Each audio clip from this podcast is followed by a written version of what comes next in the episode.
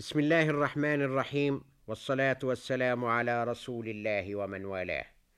مستمعي الكرام، السلام عليكم ورحمة الله وبركاته.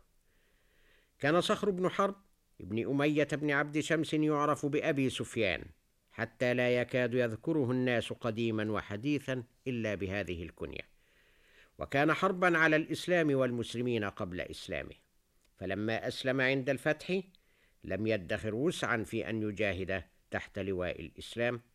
حتى إنه لا يفقد إحدى عينيه يوم الطائف. فيأتي إلى النبي عليه السلام ويقول له هذه عيني أصيبت في سبيل الله.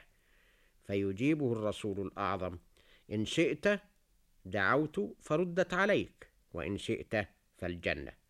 فيقول بل الجنة يا رسول الله.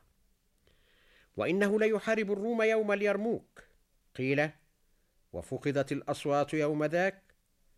غير صوت أبي سفيان يقول يا نصر الله اقترب يا نصر الله اقترب. وفي هذا اليوم فقئت عينه الأخرى فكف بصره. هناك عدة روايات في خبر إسلامه على أن أصحها ما رواه ابن إسحاق من أن ذلك كان يوم الفتح وقد قدمت جيوش الرحمة وسار تحت لوائها قبائل عدة من العرب والمهاجرون والأنصار. لم يتخلف منهم أحد حتى بلغوا عشرة آلاف نزلوا بمر الظهران. قيل فخرج في تلك الليالي أبو سفيان في من خرج يتجسس الأخبار. وقد عميت عن قريش إلا عن العباس بن عبد المطلب الذي خرج مهاجرا بعياله فلقي الرسول عليه السلام والرسول عنه راض. وأدرك العباس أنه إن دخل ابن أخيه مكة عنوة قبل أن تأتيه قريش طائعة فإن في ذلك هلاكها. فخرج العباس على بغلة الرسول البيضاء حتى جاء الأراك. لعله يجد أحدا يمضي إلى قريش ليخرجوا للرسول مستأمنين قبل أن يدخلها عنوة. وإذا به يسمع أبا سفيان وبديل بن برقاء يتحدثان فنادى أبا سفيان. فعرف أبو سفيان صوت العباس فسأله ما شأنه فقال له ويحك يا أبا سفيان هذا رسول الله صلى الله عليه وسلم في الناس وصباح قريش والله. فقال له ما الحيلة؟ فداك أبي وأمي. فقال له العباس والله لئن ظفر الرسول صلى الله عليه وسلم ليضربن عنقك.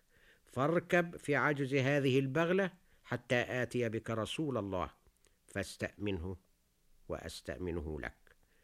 ركب أبو سفيان خلفه ومضى به العباس وكانوا كلما مروا بنار من نيران المسلمين تساءل أصحابها عمن يكون الداخل وإذ يعرفون البغلة يسكنون.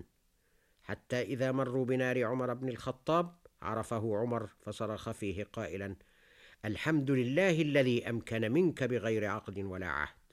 ثم خرج حتى جاء إلى الرسول يسأله أن يأذن له أن يضرب عنقه فبادر العباس قائلا يا رسول الله إني قد أجرته.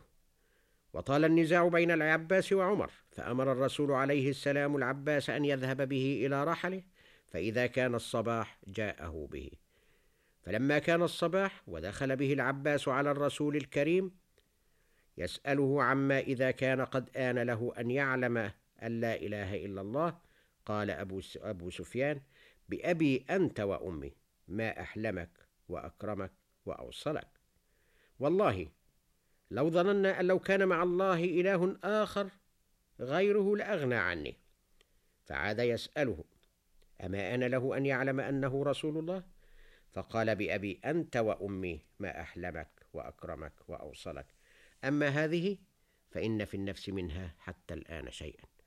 فقال له العباس ويحك أسلم واشهد أن لا إله إلا الله وأن محمد رسول الله قبل أن تضرب عنقك. فشهد أبو سفيان إذ ذاك الشهادتين. ثم سأل العباس ابن أخيه النبي الشفيع أن يجعل لأبي سفيان شيئا فأكرمه إكراما لم يكرم به أحدا حين قال من دخل دار أبي سفيان فهو آمن ومن أغلق بابه فهو آمن ومن دخل المسجد فهو آمن.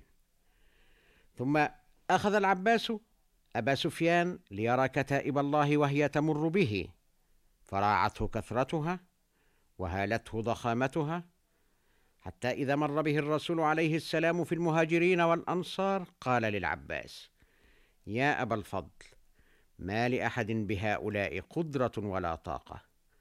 والله يا أبا الفضل لقد أصبح ملك ابن أخيك الغداة عظيما.